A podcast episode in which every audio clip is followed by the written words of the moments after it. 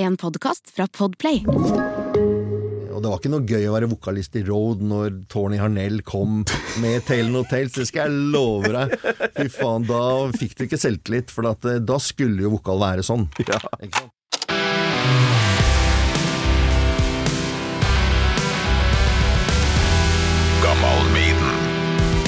Ja, du bare flirer, du. Ja, du Og dette er lenge siden. Det er lenge siden du har blitt intervjua på radio om eh, musikk. Ja, det er ganske lenge siden, egentlig. Jeg dreiv jo, jeg drev jo egen hardrock eh, på 80-tallet sammen med Svein Wisløff og Marit Karlsen, jeg. Eh, For Those About The Rock. Så jeg Ah. satt og spilte, og det var Rock FM. Så da starta jeg eget eh, Da satt jeg og spilte heavy rock eh, Lokalt, eller hva? ja, en gang i uka sammen med Frode Øyen. Oslo Radio. Oslo Radio. Ra rock FM. Rock FM. Så eh, vi er i samme bransje, da. Knut. Vi var i samme bransje. Du må nærme deg mikken. Gammal Maiden. Med Torkil Thorsvik. Så du fortalte meg at med kaffemaskina her at du har kjøpt Eller skal kjøpe en eh, Konsertplakat fra 80-tallet for over 3000 kroner. Ja, altså jeg så den plakaten på Facebook for et halvt år siden, og så tok jeg kontakt med den og spurte om han var hypp på cellen, for det er jo den som var fra Jordal Amfi når vi varma opp på Motred. Og den, nei, den skulle han ikke selge, og så fikk jeg melding nå for en uke siden, spurte om jeg fortsatt var interessert. Han skulle ha 3500, så jeg tenkte nei, jeg bare må ha den. Altså, the heaviest uh, rock night ever. Eh, Jordal Amfi, eh, 6. juni, Support Road, Mislead, eh, billetter 105 kroner. Eh, den var i god stand, den var ramma inn, så jeg tenker at den bare må henge eh, i heimen. Så jeg dro til Gjerdrum og vippsa over 3,5 og var den lykkelige eier av en original konsertplakat fra 1985. Og det er sikkert noen gode minner som vi må rippe opp i nå, da. Eh, Er du klar for noe mimrings? Jeg er klar for litt mimrings. Det er, eh, må mimre litt nå i denne tunge tiden hvor, eh, hvor alt er vanskelig. Velkommen til Gammal Maiden, da. Knut Akselsen. Takk, takk. takk. Det her blir litt spesielt, for um, vi kjenner jo hverandre. Og det er jeg ikke så vant med, å lage podkast med folk jeg kjenner, men uh, Nei, Du kjenner jo alle snart. Ja, men det, det her skal bli eh, koselig, for du er, du er høyst relevant for Gammal Maiden, uh, syns jeg. Road-frontmann i mange år, og var flere band du var frontmann for Det, på 80-tallet? det begynte jo med et band på Sandakerklubben som het E6. Og så og vi var, E6, Ja, E6. Ja, vi øvde på Sandakerklubben og hadde da eh, Jeg hadde Bent Aasrud som musikklærer på Rosenhoff skole. Så jeg ble da invitert inn i musikktimen og skulle da synge på Rosenhoff-dagene. Der begynte liksom E6. Ja. Og vi var faktisk eh, i eh, Danmark i 1978 i noe som het Barnerockfestivalen, som et band fra Danmark som het Parkering forbudt arrangerte. Som var eh, 1500 gale unge ung, eller ungdom i København. eh, Det var i 1978. eh, Og da var det Honky Tonk Woman og Black Magic Woman, og det var litt, litt mer den eh, biten der. Og så begynte jeg på Foss videregående, og så var jo favorittbandet mitt på den tida var jo Sunwheels fra Groruddalen.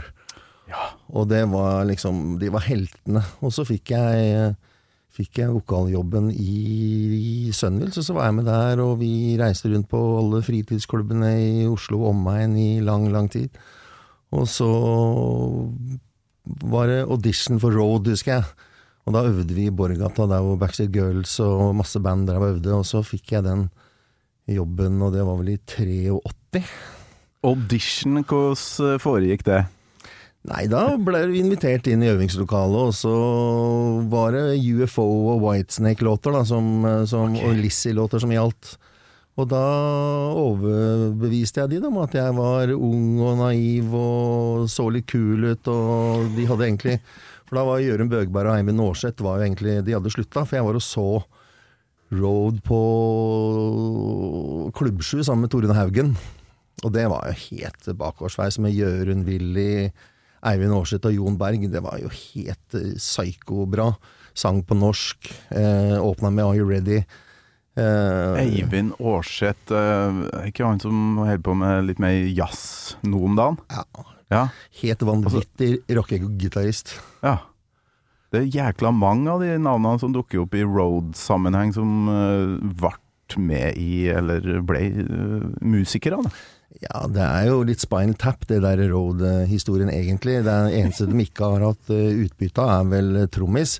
Så det har jo vært bandet til, eh, til Willy, men jeg vet ikke hvor mange vokalister Altså Jørn Lande, eh, Børre Pedersen, Rest in Peace. Eh, Ja. Bjørn eh, ikke Bjørn Müller, men Bjørn Werner har vel sikkert synget der. Ja, det har vært mange. Og Og masse Willy, bassister. Willy Bendiksen, er det han heter, ikke sant? Ja. Som da er eneste som bare var med hele veien. Ja. Utrolig mye utskiftninger her, men eh, du, vi må jo høye litt. Jeg fant jo et klipp fra et NRK-program med Petter Nome. Sting. Alt skulle jo ha Z i navnet. Der du synger eh, det som er hiten til Road, det må vi kunne si. This is just eh, rock and roll, og vi må høre noen sekunder med det.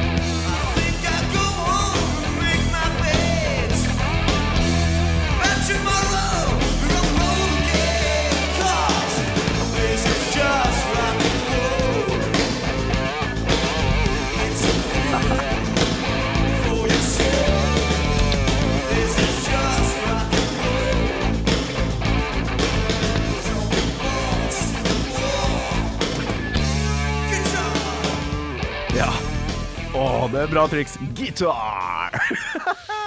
Ja, jeg så det for ikke så lenge siden, var en som sendte meg det. Det var, det var, det var veldig kult, men det er klart, altså, å spille heavyrock på TV i 1985 med hvor det var viktig at det var mye lys i lokalet, sånn at det ble bra bilder. Og det, ja, nei, det var litt sånn trist å se det sammenligna med hvordan det er nå, men, men altså, det var lyden rett ut, og det var som det var. Men eh, det var jo, det var jo gøy, da. Du hadde jo jævlig bra naglebelte. Veldig bra naglebelte og kul jakke hadde jeg, og jeg hadde Og mer hår, ikke minst. Mye hår og skinnhanske på den ene hånda. Ja, nei, altså det, Det var, var du naturlig krølla, eller? Ja. ja. det var det, altså. Du var født eh, Det er jo stygt å si ordet pu- puddel, men eh, For det, det var ikke puddelrock, det her. Det var.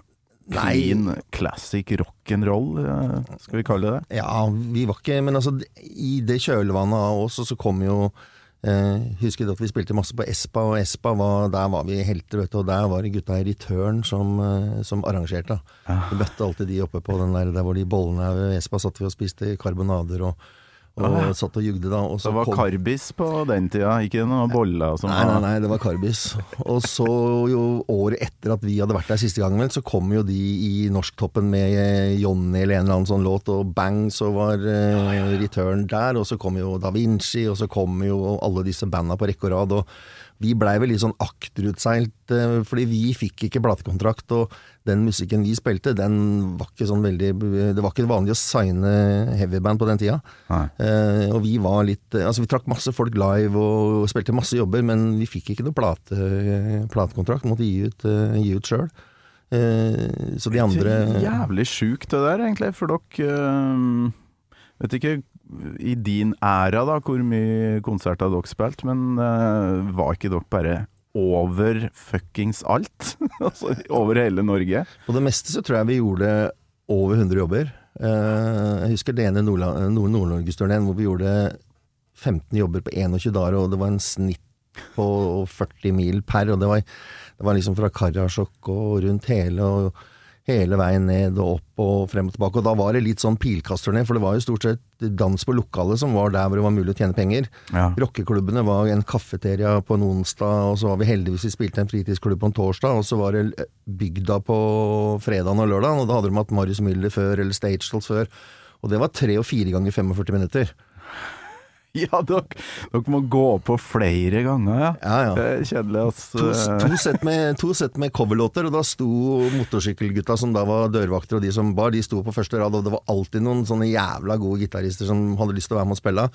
Og da var det sånn spill noe ACDC, spill noe Deep Purple, spill noe Led Zeppelin, sto hun der og Iron, eh, iron look.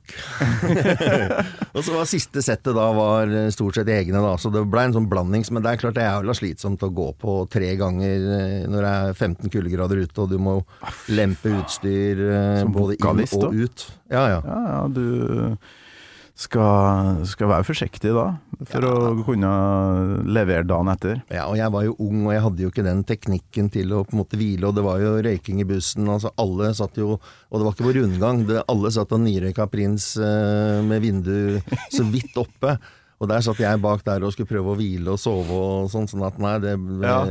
Og hvis du sa noe, så ble du primadonna, Ja, ja, Knut. Ja, ja, Men jeg har et klipp fra en tidligere gjest som var på besøk før jul. eh, Henrik Sandnes fra Senjahopen. Det klippet syns jeg forteller veldig mye om hva road var for folk på den tida, for det var jo nesten ikke konserter. Hør på der. Så da fant jeg fram, for jeg hadde vært og hørt Road på Finnsnes, og han Sidringsby hadde rydda i kassa si, så han kasta basstrenga ut på gulvet på lydprøven. Eller ut på bakken der, det var på sånn tivoli. Jeg tatt med basstrengene, så tok jeg dem med meg hjem, og da fant jeg dem fram, og så skrudde jeg dem på kassegitaren til søstera mi, og, Ja. og knakk halsen på den, da. Så, men jeg prøvde nå. Sånn begynte for den Henrik. Sa du Road? Ja. Det gode, gamle rockebandet Road? Eneste, eneste vi kunne se oppi der, live, som spilte tungrock. Ja visst. Ja, for dem eh, turnerte eh, Jeg sang i kor med en som var vokalist der, Knut Ja, Akselsen. Ja, ja. Kjenner du han, eller? Nei, jeg kjenner han. Ja, ja. Så var han du så, da? Um, For de har bytta vel de bytte- vokalist. Jeg, har- jeg har sett han òg, men uh, ja. Det kan fort ha vært det. Den Nå kommer det beste, Knut. Tider, ja. Jeg hadde på et tidspunkt jeg tror kanskje 13 eksemplarer av autografen hans. Ja, hadde du det? Ja, ja. Han hadde autografen din. 13 stykker. Åh, Henrik, ja, ja. ja. Du kjenner Finsnes, Henrik, var, ja? ja, og, og, og Finnsnes, altså vi var guder på Finnsnes, eh, på den eh, fritidsklubben der. Vi var guder. Ja, ja, ja, ja. Og Gibostad, ikke sant? for det var jo hjem, hjemstedet til uh, Wild Wilma. Sånn at der var det to trommesoloer og åtte timer med trommelydprøve og to minutter vokal og fem minutter gitar, og så to trommesoloer i, lø i løpet av kvelden. 1500 klin gærne nordlendinger, drita fulle på karsk. Eh, og så var det da fritidsklubben på, på Finnsnes. Altså, det var, Ah. det var, veldig, var veldig kult. Ja, så på grunn av at noen slengte fra seg noen bassstrenger, så begynte Henrik å, å spille musikk, da. Ja, ja, Er ikke det litt kult å ha vært med på å liksom inspirere en generasjon eh, med folk som bodde i Gokk? Ja, og det har vært mange høyanger og flere av de, flere av de eh, stedene. Sånn at nei, det har, vært veldig, det har vært veldig gøy. Og vi var jo veldig tidlig ute, og det er klart at via Willys kontakt, da, han som satt og booka, så er det klart at på alle avsidesliggende strek, eh, som da Flaks og alle de Høst og de banda han har spilt med, dro jo vi, ikke sant. Men det var jo klart, det var jo underskuddsforetaket. Det, det var jo ikke dritbra betalt på den tida, og hvis vi fikk litt mer betalt, så skulle vi ha litt mer lys, og så skulle vi ha med en, lyd, en lydmann hadde vi jo med, og så var det da plutselig lysmann, og så det blei jo aldri noe penger. Så etter tre uker på tur, så var det tilbake og jobbe på kafeteria og gå på sosialen for å få husleia. Sånn at eh, det var ikke noe, det var ikke noe penger i det på den tida, men det var mye moro nå. Ja, fest farsken. Det er jo derfor man holder på med det og starter med det. Ja, ja. Og det skal handle mer om eh, både Road, Motorhead Support og Maiden òg etter hvert. Men vi må innom grunnen til at vi kjenner hverandre, Knut. For uh, da jeg begynte i mannskoret for uh, noen år siden, i 2009 tror jeg det var, så var jo du en av dem som var, tok meg godt imot med varme bamseklemmer. Og ja, eh, du er jo en av dem som kanskje er med mest og snakker mest i den her filmen som handler om koret vårt. Um, det er jo dårlig med øvinga om dagen, så jeg må nesten spørre hvordan går det, Knut? Lenge siden vi har møttes. Ja, nei, det er litt sånn trist nå. sånn at eh, Nå er det øving i dag, da. Altså I dag skal vi øve ute i parkeringshuset på Myrens. eh, Så vi har jo egentlig bestemt at eh, vi må få til noe sosialt. For at det er, selv om det er vanskelig å øve inne, så, så er det den sosiale biten som jeg veit veldig mange samler. Eller som, ja, som de savner veldig. Og, så nå tenker vi at vi skal prøve sånn at det er eh, temperatur nok, at vi skal teste og øve litt ute. Så får vi se hvordan det funker. Jeg er litt spent på oppmøtet i dag, men, eh, Nei, men men litt synging blir det i hvert fall. Viktigste med mannskoret, da, må vi jo si til dem som hører på og ikke vet hva det her er, det er jo det sosiale. Altså, Ja, ja. vi skal jo treffes og bare være mannfolk. Klø oss litt på pungen og ta oss en pils. Og ljuge masse. Ljug. Og hvor tidlig begynte du? For det var jo Preple, da. eh, Fra, kjent fra DumDum Boys, blant annet, som starta det her i lag med en gjeng. Hvor, Mm. Når begynte du? Jeg begynte året når koret hadde holdt på i ett år. Fordi jeg hørte om det, og så, og så spurte jeg om å fy faen det hadde vært kult, for da hadde jo ikke jeg Jeg sang ikke noe band lenger og, og sånn, så jeg savna jo det litt. Så jeg var litt som lukta litt og begynte å spille litt med noen folk og sånn, men så, så hørte jeg om det mannskoret, og så var det faktisk Guri, frua til Prepple, som sa nå må du ta med deg Knut, da. Og så ringte Preple plutselig, da. Og så, og så øh, spurte om jeg hadde lyst til å være med. Og jeg hadde jo sånn high pitch vocal, da, og fikk være med i første tenor. Har vel vært med da i 19 av de 20 åra. Sånn 18 19 av de 20 åra. Og du er høres, ass. Det høres at du har vært rockevokalist, for du, du skjærer gjennom tenåren tenoren din. Ja, ja, jeg veit det, og det er, jeg får litt kjeft for det, da. Men Nei, så nei, lenge jeg ikke synger surt, så Men uh, vi må gjøre en kort, uh, en lang historie kort, Ja. for i filmen så handler det om dirigenten vår, eh, Ivar Kroghovd, som da dessverre hadde fått kreft, og visste at han skulle dø snart. Og vi eh, hadde jo blitt glad i fyren. Eh, og så skulle vi varme opp for Black Sabbath på Tons of Rock.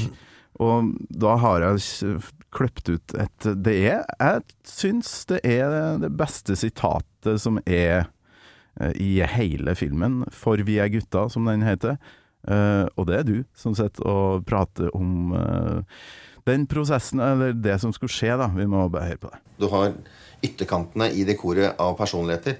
Så jeg tror det at det, den kjærligheten som han kjenner at vi gir han, og vi får av han, det er bare sånn Det er genuin kjærlighet. Så jeg tror at dette her er bare eh, Det er liksom die with your boots on, altså. Den, den fantastiske finalen ville vært liksom å falle død om et siste strofe, Tons of Rock, sankthansaften, før Black Sabbath. Og bare ned med flagget til topps og med skoa på og dressen på, bare falle om og Ja, du har mer testosteron enn meg. Jeg, jeg, jeg ser bildet, men jeg ser noe vondt i det. Kommer inn en bergenser der. Gunnar. Ah, det er vakkert, da. Ja. Die, die with your boots on. Er, det, er du fan av Maiden-låta, eller var det bare et uh, vanlig uttrykk du Nei, brukte? nei, nei, det er jo, det er jo klassikeren der. Altså, tenk, bare tenk deg den finalen der, hvor han bare detter om og står der og holder seg til den, den, eh, den drypperten øh, og får intravenøs mens han står og dirigerer med høyre hånda, og der går øh, amen og bang i bakken. Det ville jo vært øh, episk. Ah. Så jeg hadde bare den Jeg fikk bare den crazy tanken mens vi satt der, at fy faen, det må jo bare være finalen over alle finaler. For at han ville jo at vi skulle ha litt humor på det, og se, uansett hvor trist det var, så hadde jo han var vel kanskje den som hadde den mest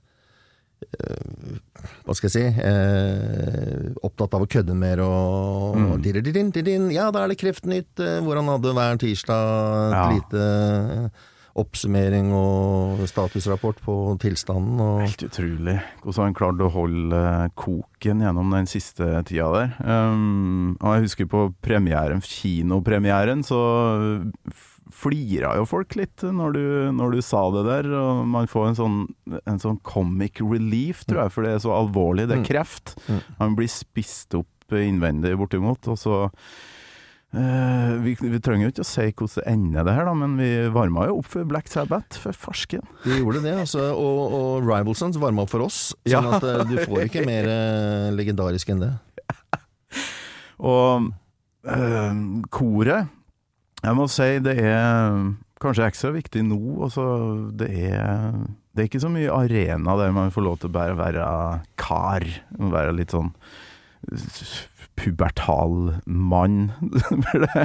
det, mangler litt i dagens samfunn. Man skal være superdaddy. Man skal være man Politisk skal korrekt. alt. Ja, man skal skal være politisk korrekt, og det er jo ingen som tør å mene noe lenger. Man er jo redd for å støte en eller annen med glis mellom tenna, eller fregner, eller med innvandrerbakgrunn, eller hun eller hen eller han, eller altså Det er jo en, umulig å drive og manøvrere seg inn i, inn i det landskapet nå. Det ser du jo i disse politiske diskusjonene. Det er jo ingen som tør å mene noe. Det er jo bare sånn synsing og Ja, når det er sagt, så støtter jeg eh, lærerne i den jobben, men Og så kommer det en eller annen sånn diffus ikke-mening for å ikke bli tatt. Det, da er det godt å hver tirsdag gå på øving i lag med deg, og Geir Skau, ikke minst. Der har vi, der har vi sikkerhetsventilen vår. Ikke noe filter, og det, det minner veldig mye om hockey eh! Ja, ikke sant? Og Det minner veldig mye om hockeygarderoben. Jeg spilte i hockey da jeg var ungdom, og der var det også sånn. Der var det posisjonering, og der var det faste plasser, og der ble det dissing, og der kunne du risikere å stå i dusjen med sjampo, og det aldri tok slutt med såpe, og tre mann som sto og pissa på leggen din. Og det var, eh, og det var med kjærlighet. eh, Så jeg savner eh, Og jeg tror veldig mange Altså den garderobe og den følelsen vi har med koret nå, at den sosiale læringa som det var for oss ungdommer på den tida, den tror jeg den tror jeg, er, eh, tror jeg var bra. Nå, jo, nå kommer de jo ferdig skifta til alt, og bare går igjen. Det er jo Det har du veldig lite. jævlig rett i. Jeg så den derre Er det Gutta mot verden, den heter? En dokumentar på NRK. Ja. Uh, helt fantastisk. Ja. Der ser du hvor jævlig kjipt det er for enkelte, da, som Ja. detter utafor. Ikke har et kor. Eller hockeygarderoben, eller de tinga der. Ja. Og du jobber ikke du med litt sånt òg? På Jeg jobber i barne- og ungdomstjenesten i bydel så jeg driver jo to fritidsklubber. og det er jo, Vi Ja. er jo midt oppi det nå, og ser jo alle de sårbare ungdommene nå som kanskje bor trangt og har masse søsken, og hvor klubben eller fritidsklubben, da, eller idrettslaget for den saks skyld, er eneste arenaen. Ja. Og mer strenge restriksjoner og stengte dører som det har vært i perioder, det det er ikke bra. og Jeg er jo litt bekymra for hva dette her vil bli når dette er over og man får på en måte eh, summen, da. Og, Så vil det jo være mange som er eh, skada av eh, den tida som har vært. Så Derfor er det viktig å, å prøve å tenke at eh, ikke, tenk, deg, tenk deg oss da, hvis vi hadde gått glipp av tre år av ungdomstida vår når vi var 16-17-18. Ja. Det er veldig lett å være litt kritisk til ungdommen i dag, men tenk deg sjøl hvis du hadde Ikke fikk lov sitte på rommet i de Ja. tre åra og ikke henge med kompisene dine, ikke gjøre alle de tinga som du skal gjøre i de ungdomstida di. Nei, nei, nei. Det, det Jeg vet ikke om det hadde gått. Eh, altså, det går jo, men man blir jo loner og finner på mye Ja, vi ser jo kommentarfeltene og Ja, og det, 4chan og de her stiene. ja, og det var jo det var ikke sånn når vi var på den alderen, da hadde vi jo Da var det jo telefonkiosken på hjørnet hvor du hang. Eh, og hvis du da gikk til en kamerat, det tok liksom en halvtime å gå, så var han ikke hjemme, nei, da måtte du gå tilbake på Løkka. Men det var alltid folk på Løkka. Ja, og så var det ikke noe. Det var ikke noe ekkokammer heller, før du møtte motstand. da Hvis du kom med en eller annen uh, sleivkommentar som ikke er innafor, så får du motstand. Ja, da, men da ble det jo buksevann og kokos eh, på stedet. Ikke sant? Eh, Du fikk ikke masse Truserøsk. Ja, ikke sant? Du fikk ikke masse hatmeldinger på instaen din, eller hvor det nå er de frekventerer. nei det her kunne vi ha snakka om i timevis, men eh, jeg lurer på om vi, vi må inn på um, noe gammel Maiden. jeg. Ja. Er du klar for faste spørsmålet? Er Når, eller husker du første gangen du hørte Iron Maiden? Altså, jeg husker jo at de skulle varme opp for eh, Kiss, og jeg hadde jo billetter. Eh, For jeg var med i musikkgruppa på Sandaker-klubben, men jeg av en eller annen grunn kom meg aldri på den eh, konserten, og den første låta jeg husker, det var Ratchild. Det var liksom åh, fy faen, der kom de gutta. Så det er jo det. Men jeg så dem seinere, da. Jeg så dem Ja, for du hadde eh, hørt Ratchild, ja. og så kom du deg ikke Jeg på Drammenshallen. Jeg gjorde ikke det, og jeg hadde, jeg hadde billett. eh, For vi i musikkgruppa skulle da dra dit. Eh, Og så var det et eller annet som skjedde, om det var fotballmatch eller et eller annet som gjorde at ikke jeg fikk dratt. Sånn at, eh, men jeg så de, samme, jeg så de seinere i Drammenshallen når, når Backstreet Girls uh, varma opp. Da. For da jobba jeg som, som sjauer for Rosie Crew. På, oh, ja. på de Drammenshallen-konsertene. Og alle liksom skrøt av Maiden på den eh, Kiss-konserten. Selvsagt var Kiss det største, og jeg hadde masse plakater på, men, men Maiden eh, Og når den Number of the Beast kom Jeg tror jeg har fire Jeg tror jeg, kjøpt, tror jeg sleit ut fire vinylplater av den. med Run to the Hills og 666 og Nei, altså det var eh, Altså det var Der, der skjedde det noe, akkurat som det skjedde noe med den første Van Halen-skiva, eller eller Def Fleppard òg, ikke sant, på den, eh, på den tida. Sånn at, ja. Og Maiden kom liksom litt sånn ut av punken, og det var litt sånn aggressivt. Og, og, og det var jo litt sånn Ja, nei, det var litt sånn opprør og engelsk, og det var litt sinna og For jeg var aldri noe særlig på punk. Jeg syns ikke det. Jeg har alltid likt melodi, da. Sånn at, eh, så jeg ble mobba da, Da for at jeg var ridder. Maiden Maiden burde jo være midt i, i blinken da, for der er det melodi Ja, ja, men jeg digga ridderrock, jeg da, som jeg husker de der gutta. Det jævla ridderrockbandet der. Var det den du fikk, Ja, ja, jeg fikk den. Så, og det er klart, når de fikk med seg Dickinson på vokal, så, så blei jo det Det var jo som å gå fra Premiership til Champions League. Hva det var Alex Rosén kalte det? Slottsheavy? Ja, ja. Slottsheavy òg. Slottsheavy. Men så, så det var Men du hadde The Number of the Ja, Beast? ja. Jeg hadde den, og jeg hadde den eh, den, eh, den killer òg. Sånn at eh, jeg, jeg hadde jo alle Men jeg aldri sånn Hva skal jeg si? Altså, jeg samla ikke Jeg syns jo Peace of Mind kanskje er eh, en av de beste. Og da, da husker jeg vi var på turné, og jeg hadde den i kassett. Fy faen, den gikk kontinuerlig på den ene turneen. Okay. Og da hadde jeg sånn Walkman, for jeg fikk ikke lov å spille av det i bandbussen. For der var det bare Live in Dangerous uh, som skulle spilles. Eh, ja. ja, Det var ingen som fikk lov å spille ja. noe annet enn Tin Lizzie i bandbussen til Willy. Er rimelig smalt. øh, Veldig smalt. Og bassen skulle bare ha én basstreng. Det holdt med én basstreng. Bare tull med sånn vandrebasspill og plekter. Og Vandrebass. én uh, plekter og én streng. Det holder. Det er så mye sånne øh, dogma i rockemiljøet innimellom. Sånn Ja, og- skal ikke være sånn, skal ikke være sånn. Og da måtte du ha Converse, og du måtte ha strang, eh, trange bukse, du måtte ha langt hår, du måtte ha skinnjakke. Det var liksom helt eh, nakent. Eh, for det var sånn veldig uniform på de tingene. Jeg husker jeg fikk eh, tyn fordi jeg gikk i sånne litt sånne vide kamobukser. For det var ikke noe særlig behagelig å sitte timevis i en jævla buss med en trang olabukse. Sånn. Så jeg, da tenker jeg i bussen så er det komfort, så jeg gikk i kamobukse. Nei, det var, eh, det var feil da, ikke sant. Og så men det var ikke så feil når, eh, når Metallica klepte seg kort og sånn. Da, var det- da var det liksom greit. Uh... Så nei, det var noen barnslige Og du kunne ikke ha klokke, og du kunne ikke ha ditt, og du kunne ikke ha datt. Klokka! det liksom, Klokka! ja. Det er noe av det første som skjedde da jeg ble vokalist i ordentlig rockeband. da. Eh, hadde et par konserter, og så kom det et bilde i avisa og der jeg sto og sang. Og så der vistes klokka på det bildet. Da fikk jeg klar beskjed. Torkil, den klokka der, den skal av.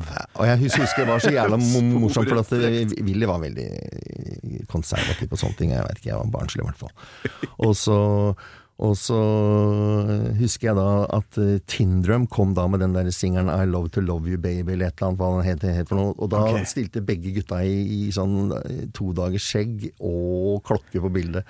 Og det er nesten som du skulle tro at det var en sånn liten sånn eh, in your face Ja. til Willy som var sånn Kunne ikke ha ditt og kunne ikke ha datt. Nei, jeg skulle se sånn ut og du skulle se sånn ut, og alt annet var feil, liksom. Sånn, ja, som om det var noe fasit på hva som var kult.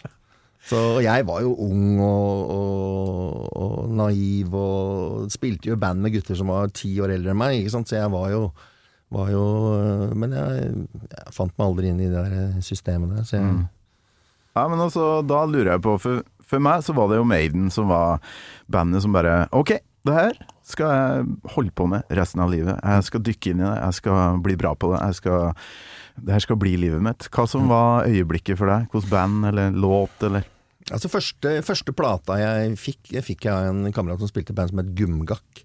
Eh, Han var fetteren min. Han hadde to plater eh, i samlinga som skilte seg ut, som jeg liksom fikk, og det var eh, Destroyer med Kiss og Uriah Heap Live 75 eller 74. Den der svarte, det var det, og eh, hva skal jeg si, altså eh, Men det var- Destroyer, ja. Den eh, Ja, ikke sant. Men, men er vanskelig må å komme unna ja, den. men jeg må jo si at det, de, en av mine helter var jo altså Jeg var jo veldig fan av Whitesnake, og David Coverdale er vel kanskje vært det, og Plant har vel kanskje vært noen av de forbildene, men jeg må jo si at det, første skiva med, med Van Halen, da var et eller annet når den åpner med 'Running with the Devil', det var et eller annet som åpna seg da. Og jeg var jo, jeg husker jo fra Sunwills-tida, når jeg ser på bilder nå, så ser jeg jo ut som en wannabe eh, Wannabe Dave Lee Roth. Og jeg hadde sånne silke, sånne røde, var en sånn silkebukse som jeg husker var ødelagt, så jeg lagde sånne gamasjer som jeg hadde eh, ned, og så hadde jeg eh, sånne kondombukser og skjerf rundt der, og nei, altså Så jeg var nok litt eh, wannabe Dave Lee Roth lenge. Jeg var veldig Van Halen-fan. Syns det var Ja, jeg syns det var eh, Lurer på Roth. sebragreier på det TV-opptaket. Litt Ja. sånn sebraaktig Ja, sebraskuldre med svart olajakke med sebraskuldre. Og det var litt sånn Scott Gorham som jeg fikk lå, låne av Jon, da, for Jon ville ha på seg en sånn annen type T-skjorte. Så, øh, men, men altså, det første bandet jeg så, var jo et band som het Bronx, som øvde på Lille Lillebåklubben. eh, som hadde amerikansk vokalist. Åh, fy faen, det var, det var fett. Da var det liksom 12 eller 13 år og sto der og så de hadde en speilglasskule som de hadde lånt av Flaks som hang i taket der, og det var doble Marshall på begge sider. Jeg tenkte at oi, fy faen, det her har jeg lyst til å holde på med. og en vokalist som bare bada i uh, nybada, som det het på den uh, tida. Så jeg tenkte dette passer for meg. Men jeg spilte jo fotball og hockey, så jeg var jo liksom veldig i de to verdenene. Ja. Og så Ja, for det er litt krasj. ja, det var veldig krasj. Og så begynte jeg å bli mer og mer i musikk, og datt mer og mer bort fra fotballen og sånn. Og så bestemte jeg meg for at jeg skulle satse musikk, da. Så prøvde jeg på det, og så, så dro jeg til og med til London. Jeg dro til London i, i, i altså Etter den Motorud-turneen så blei jeg jo invitert til London, og jeg skulle prøvespille, og de skulle Det var en plan om at jeg skulle prøvespille for Fastway, det blei aldri noe For da kom jo den derre You Give Love a Bad Name og hele den, og det var så image i London, så jeg prøvde meg der i fire måneder, men uh, var på noen auditioner og sånn, men det var bare image, uh, og jeg var bare ikke voksen nok til å Hvor gammel var du da? Når var du stakk ned Nei, altså i 85 så var jeg 20, så jeg dro til London når jeg var 21-22. Å, herregud. Og prøvde meg på prøvde, meg- Ja, det var helt øh, Så Men det var, det var gøy, da. Da er man jo helt idiot. Også. Ja, ikke sant? Men ehm, vi må ta oss og trykke litt på bremsen her nå. Altså, faen, bodde du på hotell, eller? Hva. Altså, hva gjorde du i London? Nei, altså jeg bodde altså jeg, etter, et, Rett etter Motorhead-turen så flytta jeg til Sverige. Jeg blei med å spille et band som het Silver Mountain. Og det var jo da okay. det bandet som de gutta til Yngve Malmsten kom fra. de bodde i Malmö og var med der, ikke sant. Og det var jo et sånt um, Yngve Malmsten-band med sånn operarock, eh, og han vil ha operavokalist, og det ligger faktisk et liveopptak der. Og jeg, det er sjelden jeg har blitt flau over å se meg Nei, er- jeg blir jo flau over å se meg sjøl, men, men akkurat det liveopptaket der, da var jeg Det var live da med Silver Mountain med en sånn super wannabe Yngve Malmsten på gitar, og de tekstene eh, Jeg fikk ikke lov å være med å gjøre noe, jeg skulle bare, skulle bare synge det han fortalte og, og, og sånn, så det ble et kort, eh, kort eh, eventyr. Og så dro jeg til London. Ah. Eh, og så fikk jeg da beskjed når jeg var i London at jeg skulle bli pappa, da. Sånn at eh, Så da dro jeg hjem. Så da, da hadde jeg Ja. Dæven, det er tidlig. Ja, veldig tidlig. Eh, Da var jeg 23. Og det var i Norge. Det var i no Norge, så da dro jeg hjem, og så, og så begynte jeg å jobbe på stedet og drev rockebaren der, safaribaren der, og så fikk jeg tilbud om å overta Sentrum Scene. Det var når Arbeiderpartiet skulle eh, begynne å organisere rock, og det var eh, Øyvind Myhrvold og sånn, og så sa jeg at eh, nei, jeg vil ikke ha Sentrum Scene, jeg vil ha Elm Street. Jeg vil lære meg opp der. sånn at Jeg hadde liksom en sånn drøm om å drive mitt egen, min egen rockeklubb. Ja. Og så fikk vi den, og så viste det seg at der var det jo to stykker som var Så det var to søknader om å, være, om å ha ølservering. Så vi fikk avslag og avslag, og var jo i ferd med å bli konk. Og så, men det var vi som hadde rettmessig krav på lokalet, og så gårdeieren, han det var jo da en Alf Ulven, som da var eh, veldig fan av oss, da, for han syntes at det var liksom veldig kult med oss rockere og sånn, da. Ja. Sånn at han holdt liv i oss, og så fikk vi åpna i 88 eller 89, og da husker jeg at det første bandet som spilte var Union Carbide Production. Og det var Stin Brakke, og så skjønte vi at oi, dette her, det, det, det var noe, for det var jo et gap etter Sardins. Fordi at eh, det var ikke noen rockeklubb eh, i, eh, i byen. Og så Altså, du snakker jo om eh, Elm Street Ja. rett borti gata her. Ja, ja, ja. Var du med og starta Ja, det, det var min eh, Det var jeg som dro i gang, dro i gang det. Sånn uh, Oi, oi, det er jo, i var ikke nettopp ti år siden det måtte legges ned? Jo, så det det var var. Og det blei et veldig kult Nitrist. eh, Ja, det blei et veldig kult sted. For, vi, for det første så hadde vi en veldig eh, brei musikksmak. Vi spilte jo alt fra fra Ramones til, eh, til ja, altså, absolutt Uh, Altså, Chuck Berry, altså, Jeg har jo spilt det opptil ja, flere ganger. Mange. Og så jobba jeg på den tida så jobba jeg med Jeg jobba jo for Gunnar Eide på Valle Hovin og Spektrum, og så hadde jeg ansvaret for alle artistene på Kalvøyafestivalen, i- og jeg tok jo med meg crewet ned til Elm Ah. Og når crewet blei godt ivaretatt, så tok jo det med seg musikere. Mm. Så det blei jo en sånn fast hangout. Så når alle disse svære banda kom til Oslo, så kom jo dem til oss. Så der plutselig så, Der kunne du møte Der kunne du møte Lemmy. Der, jeg, jeg kom inn der en formiddag hvor eh, hvor eh, basseren i Pink Floyd sitter og spiser, eh, spiser eh, frokost. Hvor han da satt og skulle gjøre intervjuer. Black Rose, Fate No More. Altså alle hang der. Sånn at ryktene etter hvert spredde seg om at når det er svære konserter i byen, så henger de på Elm Street. Enten før eller etter eller under. Ikke sant? Sånn at det blei masse folk som kom. Og så blei det vel eh, blei en sånn klassisk, og vi blei kåra til årets rockeklubb flere eh, år på rad. Men det var jo bare plass til to, eh, 200 maks. Og så husker jeg da på femårsjubileet så hadde vi da Backstreet Girls, Jokke Valentinerne, Raga, DumDum og September When samme uka. Nei! Det var eh, festivalprogrammet på femårsjubileet. Og da var det ikke noe forsalg. Så da var det kø. Det var salg på døra. Så det var kø rundt hjørnet ned til eh, Innova Musikk, som da ligger sånn Sånn som Ja, her, ingen inngangen hit. Det var kø ned hit. Ja. Helt hit. Og det var klassiske konserter Ah, som folk snakker om den dagen. ta. Da skulle jeg gjerne vært til stede, for det, det er mye band du nevner der som, er, som har vært viktig for meg da, i oppveksten. Fy Ja. flate. Og det er en veldig morsom eh, historie, for at eh, Rune Lem ringer til meg og spør du, kunne du tenkt deg å ha Pearl Jam. Og det var jo lenge før Pearl Jam slo an. Eh, så jeg, eh, ja, jeg trodde jo jeg hørte feil. Eh, han hadde jo ikke noe forhold til det, tydeligvis, da, for det her var jo helt i starten hvor de gutta spilte bare rockeklubber. Ja. Og så ringer jeg til Sony Music da, for å få plakat, så når de får høre at eh, Rune har satt det på Elm Street, så sier han at det, det kan du bare glemme, Knut. Så ringer de ned til Rune, og så blir det flytta til, eh, til Sirkus, da, eller Chateau Neuf. eh, Chateau Neuf, ja. ja. Nede i kjelleren der på Hva det het for noe? Var det Betong, eller Jeg husker ikke hva det het på den tida. Og det var, Ja, det heter var Betong nå, muligens. Ja. Heter i hvert fall det for noen år siden. Ja, ja, ja. Så det var veldig, Det er en sånn famøs morsomt. konsert som mange snakker om. Ja. Du på Betong og så Ja, Pearl Jam? Ja, ikke sant? Så du kan jo tenke deg hvis de hadde spilt hos oss, da. Hvordan det hadde, hvordan det hadde vært. Jeg skjønner jo det i ettertid at det hadde vært helt crazy. Men, Ja, men det er altså, sånt man husker, da. Ja. Det er jo de små bulene som er ekte, og den backstagen på Elm Street. Det var ikke noe tøffere enn det. All, all band har et bilde av seg sjøl i den eh, backstagen, for Ja. den var helt rå. Åh. Vi må høre på musikk. Ja. Hvilken låt har du valgt? Maiden-katalogen er jo ganske stor, da. ja, altså valgte ikke jeg den fra altså, jeg, Den låta jeg valgte, har litt sånn Def Leppard-riff-aktig eh, riktig, eh, over Det er lenge siden vi maila om det her, så jeg Ja. håper du eh, husker det samme som jeg huska når jeg la opp Jeg bare spiller introen, jeg. Ja.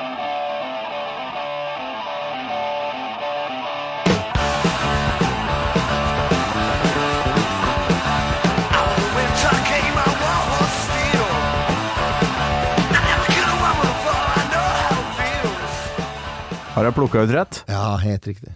Jeg syns det er så fet, den det riffet der. Og det er jo veldig det, Men det er jo på den samme tida hvor Def Leppard på en måte ikke blei sånn American, og er jo litt i den samme engelske Så jeg, jeg var jo veldig Leppard-fan så Ja, ja. jeg digga det riffet når det, når det, når det kom. Så, Så du digger gammal leopard? jeg, digger, jeg digga jo Foolin og alle Det er klart at det, det, Hysteria, det ble, da blei det liksom noe helt annet, men den første til Mutt Lange der, den, den tror jeg har spilt mye. Med Fooling og Er det den eh, Er det den? Det er den. Nå har jeg faktisk kassetten ligga der. Det er så bra, for det ligger kassetter her. Jeg har en sånn ukas Den kassettspalte. er vet du. fantastisk. Hør på lyden her. Gode, gamle kassetten. Ja, hvor du måtte ha sånn kulepenn når han hadde, når han hadde vikla seg inn og sånn, for å spole Å, det er så bra. Den her eh, ligger vel sånn cirka på låta 'Too Late to Love', Ja, ja, Too Late for Love nå, eh, ser jeg. For den er midt i side én. Og det var jo sånn, Å, sånn man måtte lære seg låtene før. Jeg husker når vi skulle øve inn coverlåter. Eh, Det var ikke sånn at du bare kunne google teksten og laste den ned på et Word-dokument, og så printe, og så that's it. Da måtte du spille den inn på kassett, og så måtte du høre på kassetten hvis ikke det var tekst på coveret. Ja. Så da måtte du sitte og Zzz. Hva var det han sa der? Det var, eh, det var Du kunne jo låta når du var ferdig, men, eh, men eh, det var en helt annen måte å lære inn coverlåter på den hvis du var vokalist. Altså. Ja, ja, ja. ja. Å, fy flate så mye feil jeg har uh, sunget i sånn coverband. da. Ja. Fordi jeg satt og spola på kassett og, ja. og prøvde å finne ut hva faen de sang. Så Sanctuary var greia. Da Ja. snakker vi gammal, gammal potet eh, i, i Maiden-sammenheng, og det Og jeg digga han vokalisten òg, jeg må si det. Jeg syns det var Ja. uh, kult. Uh, men han passa til det de gjorde der, og det er klart at når du hører Bruce Dickinson gjøre de gamle låtene, det er ikke like kult, syns jeg. Jeg syns det passa bedre til han Ja. originalvokalisten. Jeg har faktisk litt Bruce her fra 88, Maiden England, tenker jeg. I know you saw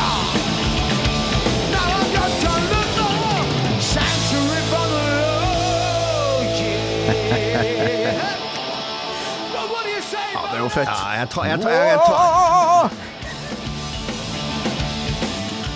jeg tar tilbake litt, da. Ja, Ja, ja, ja. Det, det funker greit med han òg, men det er ikke alle låtene som jeg syns funker like godt med han, som jeg syns tar ja, bort kan, litt av den eh, sjarmen. Vi kan sammenligne.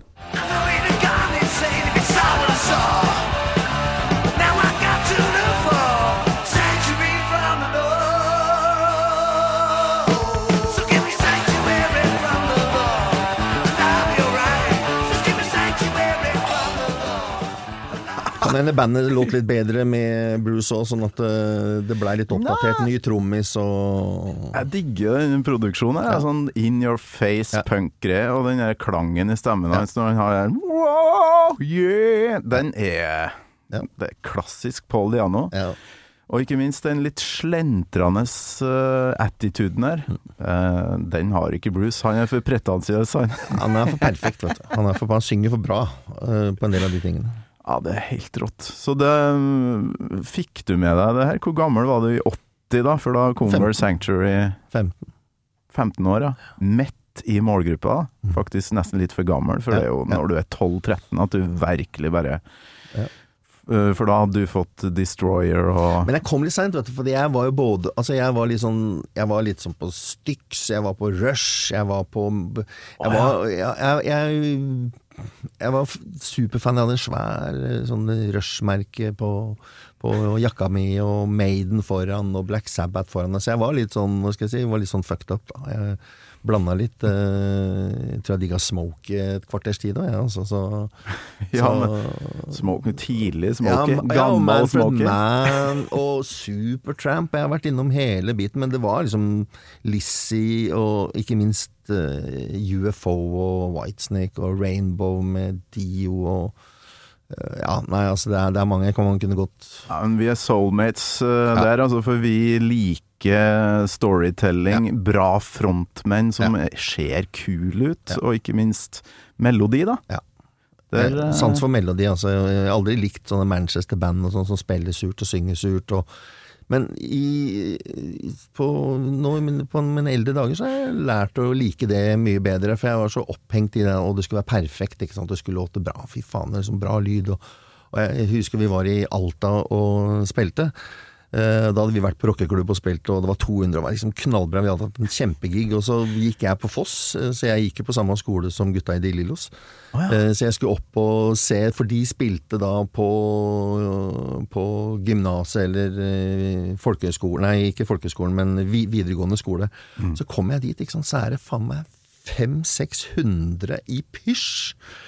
Og der står de Lillos og spiller, og jeg hadde jo bare hørt de på Rosenhoff på en Øy, Øystein Jevenor som spilte, spilte trommer, kjente jeg, for han var sammen med en av damene i, i klassen. Okay. Og det var surt, og det var Han spilte surt, og det var Men fy faen. Og det var sånn Det var en eller annen sånn magisk greie over det opplegget de eh, spilte. Ja. Uh, og jeg var der med, med, med Jon, og jeg sa fy faen, har du hørt? Så sa jeg jo, jo, men faen, se!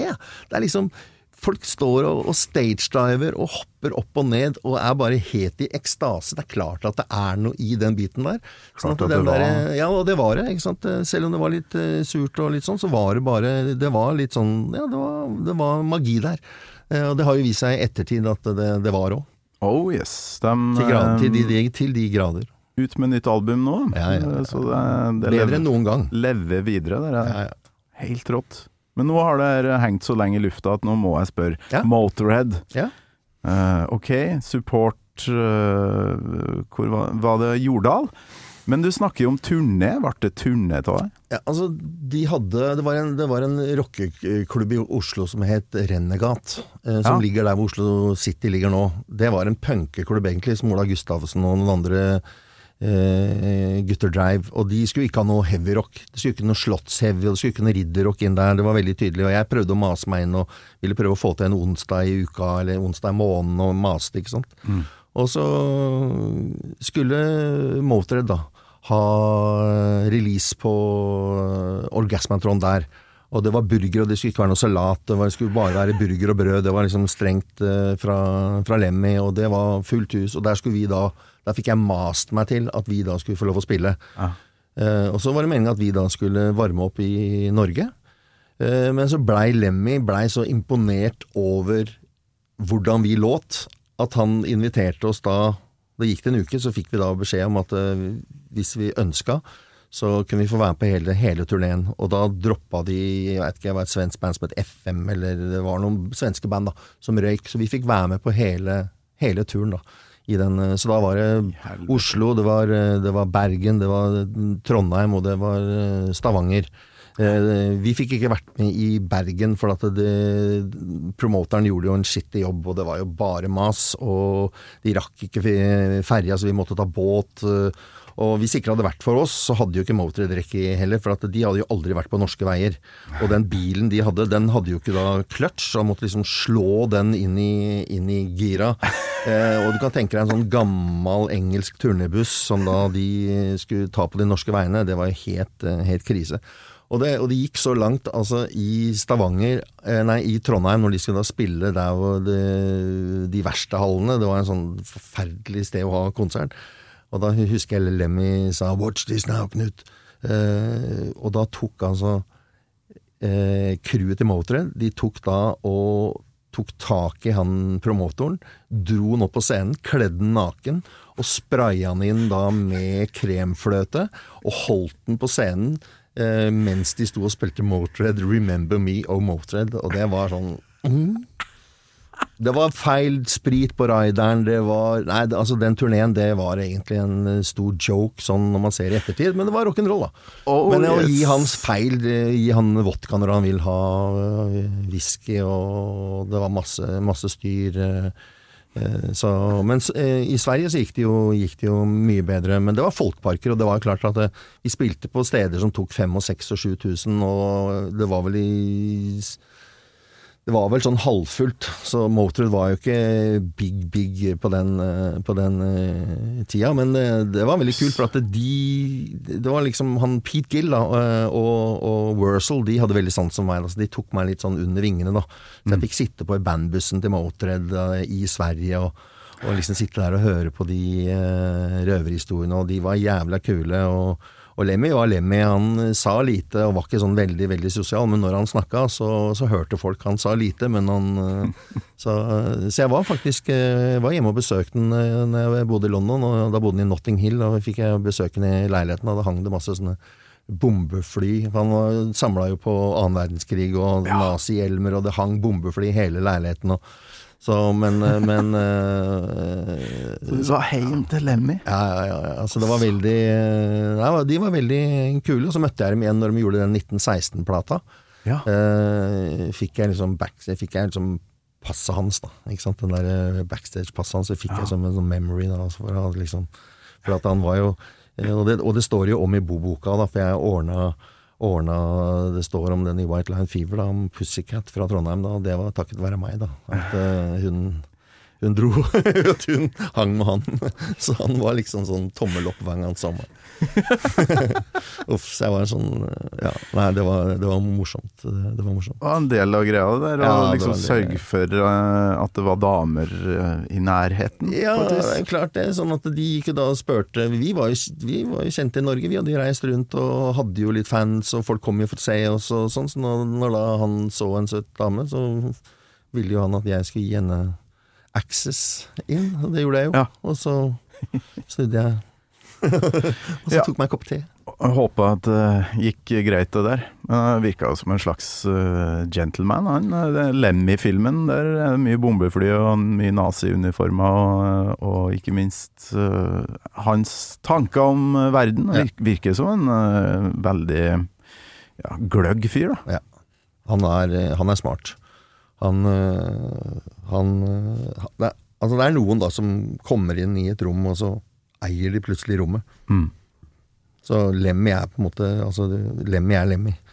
Jeg tror ikke det er veldig veldig mange andre enn han som kan gå inn Jo da, det er det sikkert. Men når han kom inn, så blei det bare litt sånn stille, og alle venta på hva han sa, hva han gjorde. Uh, så Nei, det var, det var spesielt ikke sant? når du står der og er 20 år og er midt oppi det. Altså, og vi, trodde jo det at vi skulle bli rocke, rockestjerner, og de skulle komme og se oss der, og det var noen som skulle komme og se oss der, og så var det sånn, og så var det sånn, og så blei det skjedde liksom aldri noe. Og så når vi da var ferdig der, så kom vi tilbake igjen til Norge ikke sant, etter den turneen og trodde vi skulle bli signa. Husker det vi var i Gøteborg. Eh, Nei, i, i, i, Stockholm, og så var jeg på fest med, med Joakim Larsson. Og da hadde jo de akkurat vært ferdig i studio og spille inn Final Countdown. Så jeg satt i studio og fikk høre den låta i det studioet, for at vi ble invitert for at vi, de hadde vært backstage og, og sånn. Og så når jeg da flytta til Malmö etter den turneen, så gikk det seks måneder, så hadde de solgt en halv million plater. Ja, Så du hørte den før den uh, Jeg hørte, hørte hørte om ikke demoversjonen, en sånn ferdig miksa versjon, før den blei før ble gitt ut. Og da var det Joakim Larsson. For jeg digga Europe når de vant SM i rock. Jeg syns jo det var dritfett, den første skiva deres. Mm. Med, med Seven Doors. Hotel og Hva var det for noe? Var det konkurranseopplegget? Ja, det var, det var svenske Svenske Eller ja, akkurat som uh, norgesmester i rock. Ja. De hadde noen svensk, og Ah, da vant, vant, uh, vant Europe. Da.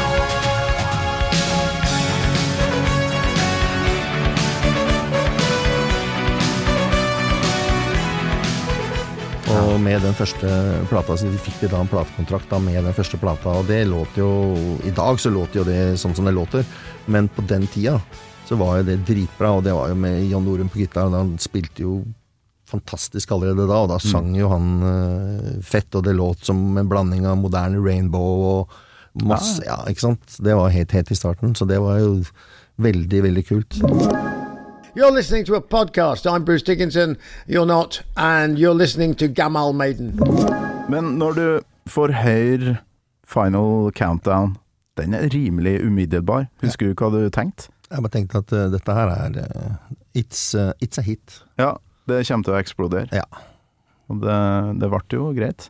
Det, det ble det vart, eh, greit, for da var Da bodde jo jeg i Malmö, da dro jeg så, så de i ishallen i Malmö. Jeg tror de solgte 5000-6000 billetter. Det var helt smekkfullt, og det var allsang. Og, men jeg digga Rock the Night eh, mer enn Fine Countdown. Da. Jeg syns den var kulere. Ja, den er kul, den, altså. Så du har jo Ja, du ville bli rockestjerne, sier du, men du, i en periode der, så Du fikk jo smak på det. Jeg gjorde det. Ja. Eh, Det er klart, man levde jo midt inni men det er ikke helt det samme å dra i en, eh, i en high ace rundt i Norge. Men altså, det er klart, når du kom til et sted, og det var eh, fullt hus og stormende jubel og sånn, så får man jo på en måte en smak av det. Så men, Tenker du at du hadde overlevd det hvis du hadde, hvis du hadde breaka fullstendig?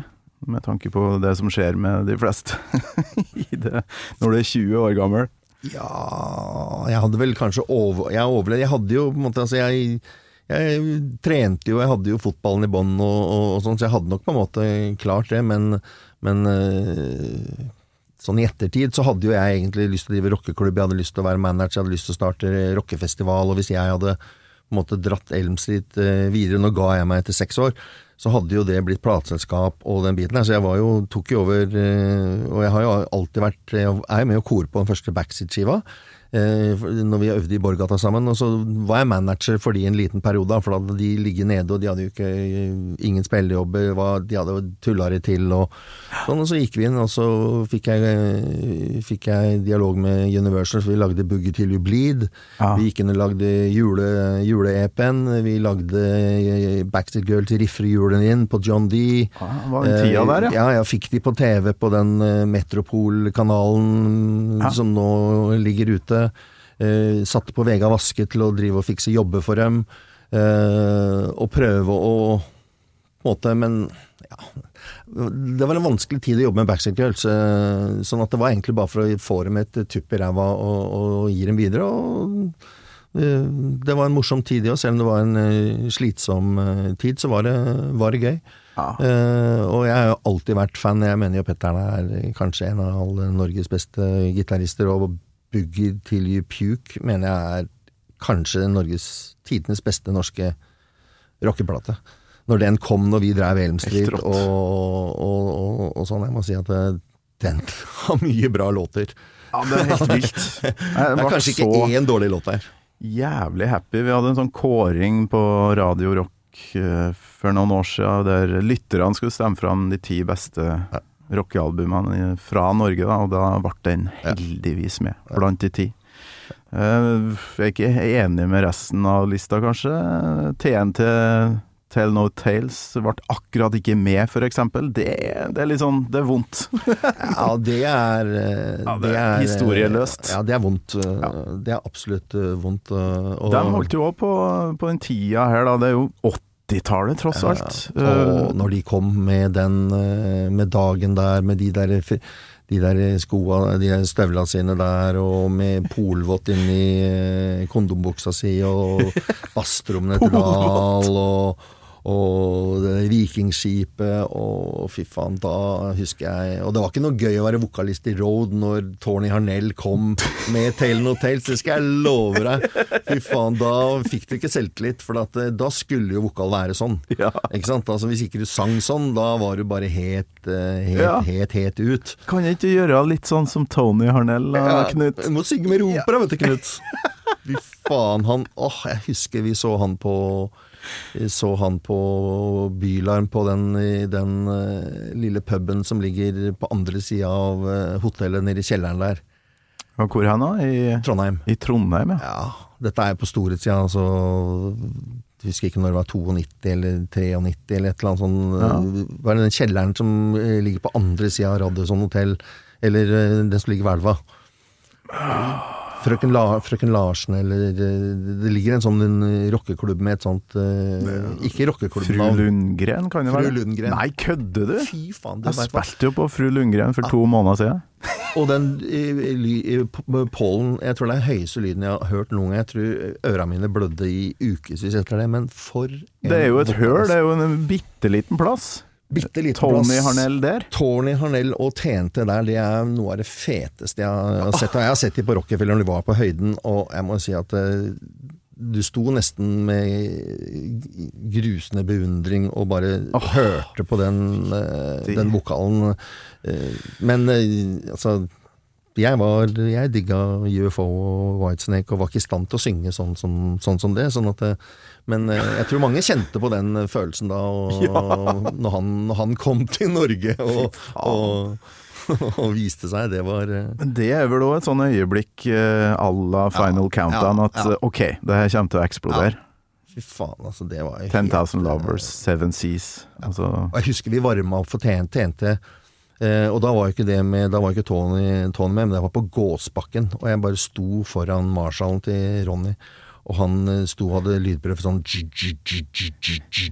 Sånn haisommer-jigging på den Marshallen. Altså, jeg, kan, jeg, jeg får ståpels bare jeg tenker på det. og den Marshallen bruker han fremdeles, eh, sier han i eh. Gammal Maiden-episoden med Ron, Ronny, og tatt vare på den. Jeg, han kan huske det det. som, jeg kan huske det som, som, som det var i går. Eh, det var bare helt insane, og vi fikk lov å varme opp, opp for de da. Og det var jo veldig sårt, vet du. fordi at det, eh, jeg husker Willy holdt jo på nesten å banke opp en fyr i Nord-Norge som spurte om han hadde hørt om Dieseldal. For det var liksom sånn Ja, det, er- det er jo vondt. Ja, det er vondt, og det Ja, var det var, helt sånn der Er det mulig Altså, han spiller i Tentan han jeg tror meg klart han har hørt om Ronny Tekker, han har ikke hørt om Willy Bendiksen i, i, i Road. Altså, Get the grip, det var uh... Ja, ja, men dere var jo bandet som eh, faktisk spilte på Finnsnes og i Alta og i Ja ja, på de litt mindre plassene. Så jeg- jeg- det gjorde jo TNT òg, da. Ja da, det gjorde det, men, eh, men ikke noe Tony, Tony blei med. Sånn at uh, Men det var litt sånn som med Maiden nå. Altså TNT med dagen, altså de kan si hva de vil om uh, Det var sjarm, og det var fett, og han lagde sinnssykt fete riff og show, og, og jeg var jo i, var jo i Harley Davidson. Ja, ah, Harley Davidson og Pirrene Irene og Altså, det var fett. Og jeg husker jeg så dem på, på Rats, uh, hvor, hvor Riffraff var, varma opp. Eh, og det var da onsdagene på Studio 26, som var en rockeklubb i Oslo. Eh, hvor da TNT skulle spille med dagen eh, Fy faen. Riffraff med var- Petter Baarli, Ja, det var jo som før de ble Grei support. Backseat eh, Girls. Ja. Og vi sto i køen, og husker jeg liksom, fy faen, nå spiller de ACDC på an anlegget. Så kom vi inn, så var det faen meg Riffraff. Og der sto han eh, Der satt han eh, Petteren på skulderen til eh, han andre bassisten og spant rundt i sånn uniform og var bare helt Og da var han ikke gammel, men fy faen, det låt fett. Og så kom selvsagt eh, Backstage Girls, og så var jo alt historie. Så nei, det var eh, veldig, veldig kult. Eh, sånn at er det noe dagen har gjort, så er det å bane vei han òg til både tjente med å bidra med låtene og alt sånn. All mulig respekt. Sånn at han fortjener kun skryt. Ja. Fy faen. Um, ja, Motorhead-turneen. Uh, klarer ikke helt å glemme det. Uh, Spilte den virkelig så mye i Norge og Sverige? Ble dere med videre, eller var det de to Nei, landene? nei, altså vi, eh, vi Vi fikk ikke vært med til Finland, for det, det var sånn inn and ut-greie. og det var jo heller ikke Danmark, så det var jo da en Altså det var vel 17 jobber i juni da, sommeren eh, 85, den eh, hvor a-ha også gikk da til topp. i, på Billboard, vel, med Ja, Take On Me, og Norge Norge ja. vant uh, Melodi Grand Prix med La det svinge, og Norge var on fire, og, og var- Road var support for Motorhead. Ja, i hele, og i Sverige så var det altså, Hva skal jeg si? Altså, I Sverige så er man rockestjerne hvis man spiller i band.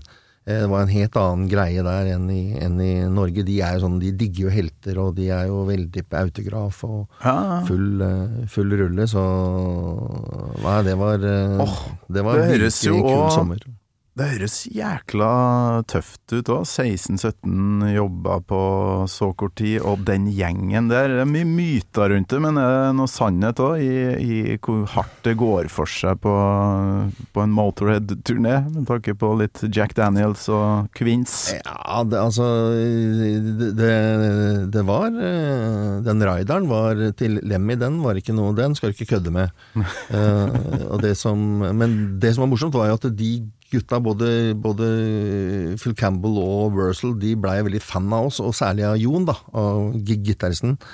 Eh, og sto og så på oss hver eneste kveld. Eh, for vi spilte jo da De spør, «Åh, kan ikke dere spille Doktor Doktor, eller kan ikke dere spille den, eller Rain, eller, eller eh, Are You Ready, eller eh, Into the Arena med Michael Schenker, eller ikke sant? Vi hadde jo noen coverlåter, eller den med Og de skjønte jo ikke det at, det, at vi bare kunne gå på der, for vi fikk jo veldig liten soundcheck. Eh, så de skjønte jo ikke hvordan vi kunne låte så bra uten å ha lydprøve, for de hadde jo da lang lydprøve og masse styr, men det er jo sånn når du spiller i rockeband i Norge, at du får plutselig ikke noe lydprøve, sånn at du må Ja, ja, ja. ha bra lyd i ampen, og du, så det, man blir jo litt proff av å drive og turnere i Norge. Norge på Ja, ja, ja. 80-tallet var vel ikke det helt store med utstyr og Og så var det litt sånn gøy, da, for at vi, til slutt så fikk vi jo låne backline deres også, altså, bortsett fra trommene, da. Eh, og da husker jeg en episode da hvor, eh, hvor eh, Willy liksom drev og varma opp da bak scenen. Han satte opp trommesettet sitt på Rai- Raiseren da, under trommesetten Under tromme...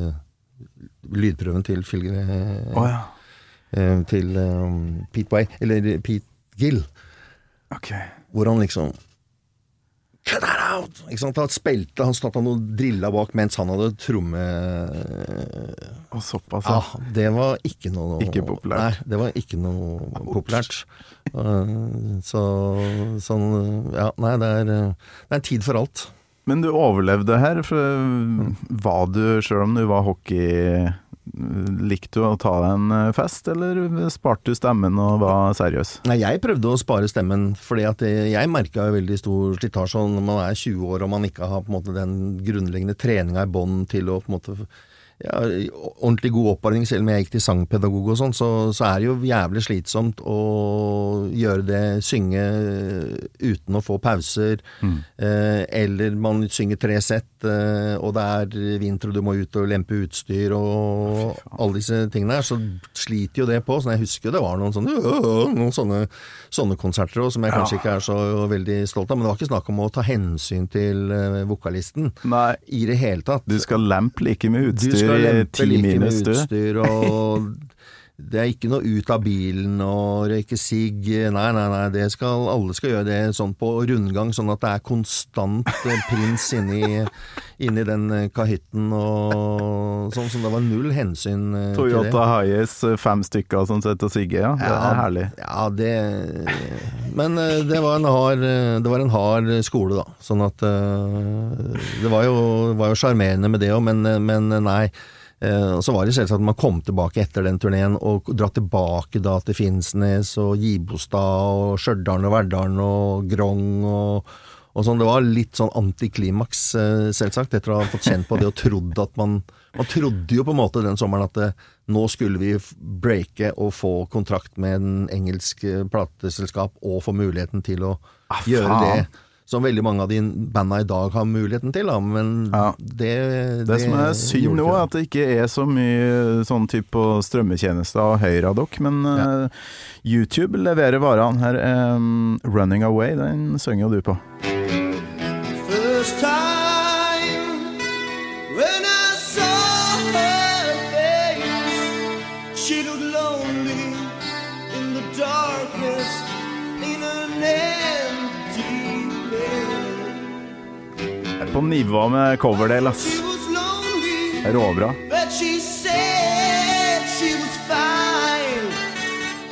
Went for the streets in the Råbra.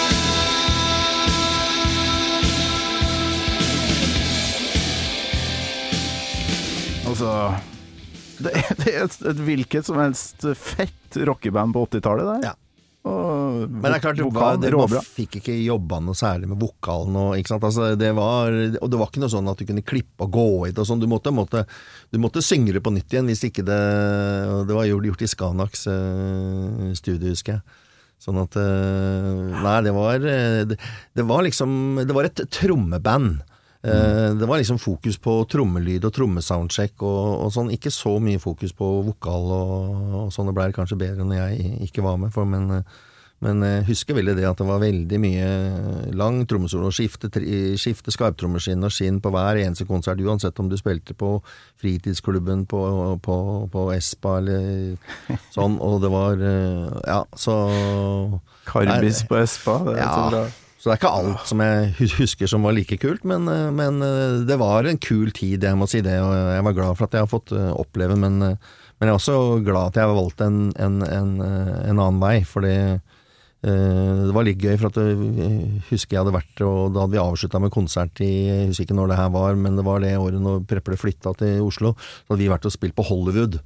Og da sto trøndere utafor. Det er Hålemang, mashallah. Liksom de sto da under Sto de med og så, vet du han, Arne, Arne, Arne, Arne. Hotli, Arne Hotlips, kule kula Arne Hotlips, eh, Rest in Peace, sto der, vet du. Holmang, da Sto de der, vet du, og holdt på. Og så tok jeg toget hjem fra Trondheim, og da møtte jeg, møtte jeg Prepper, og da liksom da de, han skulle, de hadde spilt i Vannskrekk, da han skulle flytte til Oslo, og et nytt band som heter DumDum Boys, da. Eh, så det var veldig Som nå ble ja, noe greier. Ja, ikke sant. Som også blei noe sånn som noen sikkert har hørt om. Så Ah, ja. Så det er klart at det, hvis, hvis man hadde fått være med på den runden og fått den uh, som band, så er det noe helt annet. Men å reise rundt som heavyrock-band på 80-tallet der og, og sånn, og Stagels fikk plate, solgte masse, fikk masse større hyrer, spilte på st flere steder, alle de ikke sant? Vi fikk all, all, aldri den, og vi blei på en måte et kjellerband. Uh, selv om vi trakk bra med folk og hadde masse konserter, så blei plutselig avstanden på hyrene blei bare større og større og større. De andre tok steg. Eh, For de kom på radioen og fikk spilt, ikke sant? mens vi blei bare liksom cred-bandet som alle syntes var kule, og som, som spilte en annen Vi spilte en engelsk heavyrock som på en måte ikke var altså Ikke nok med at norske band ikke ble signa i utgangspunktet, eh, men så kom jo den bølgen da med Return og Stage Trolls, eh, som Ja. TNT åpna selvsagt med den første skiva som var eh, med, med dagen. Så, men eh, dit kom Ja, ikke vi til, så kan det være mange grunner til det. Så. Åh, vi må, vi må høre avslutninga på låta di.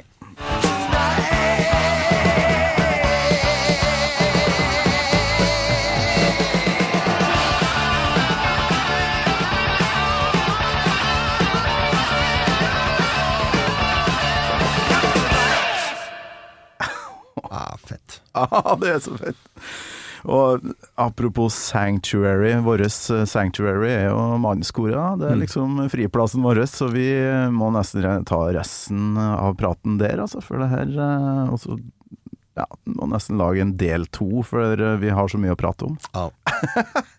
Men jeg håper du fortsetter med det du gjør for ungdommen, da, det vi snakka om der, for det tror jeg blir viktig.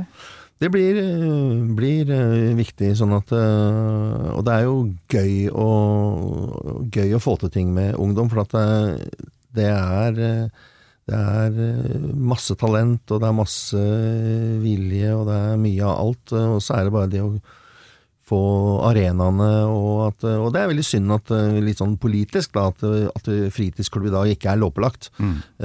For det har vist seg nå, særlig i de tre åra jeg har vært i nå, hvor viktige klubbene har vært for veldig mange, og at ikke fritidsklubber er en lovpålagt tjeneste, det syns jeg er eh, veldig synd, for det, det, det burde det være absolutt.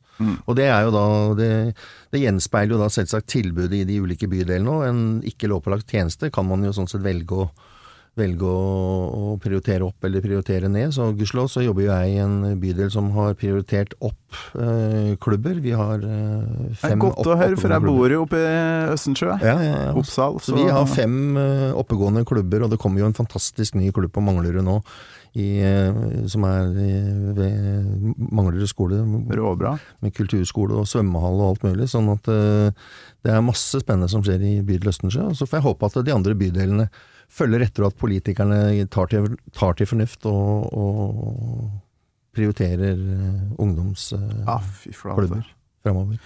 Knut Akselsen, takk for at du kom og delte av eh, ditt mangslungne liv. Takk for at jeg fikk eh, komme, Torkel. Veldig hyggelig. Og så kanskje vi ses på øvinga i dag i parkeringshuset på eh, Myrens eh, verksted. Eh, Hvem vet? Eh, det er i hvert fall ikke spådd snøstorm. Så det er, det er mildere nå enn dere var eh, forrige uke. Snakkes i kveld. Gjør vi. Gammal Maiden med Torkel Thorsvik. En podkast fra Radio Rock. Jeg hadde jo kløpt ut eh, litt av gutta her fra filmen, da, så vi kan jo bare starte øvinga nå, mens vi tar opp her. Skal vi se. Ja,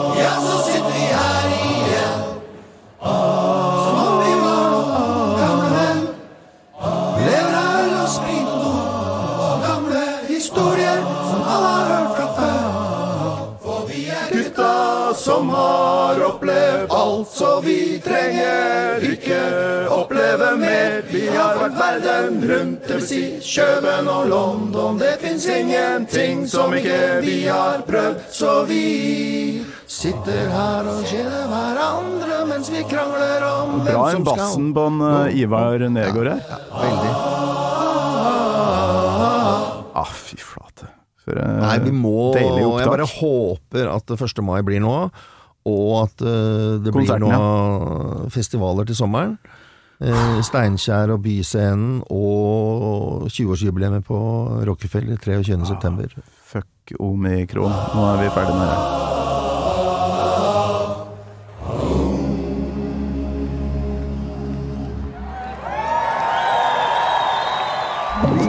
Du har hørt en podkast fra Podplay.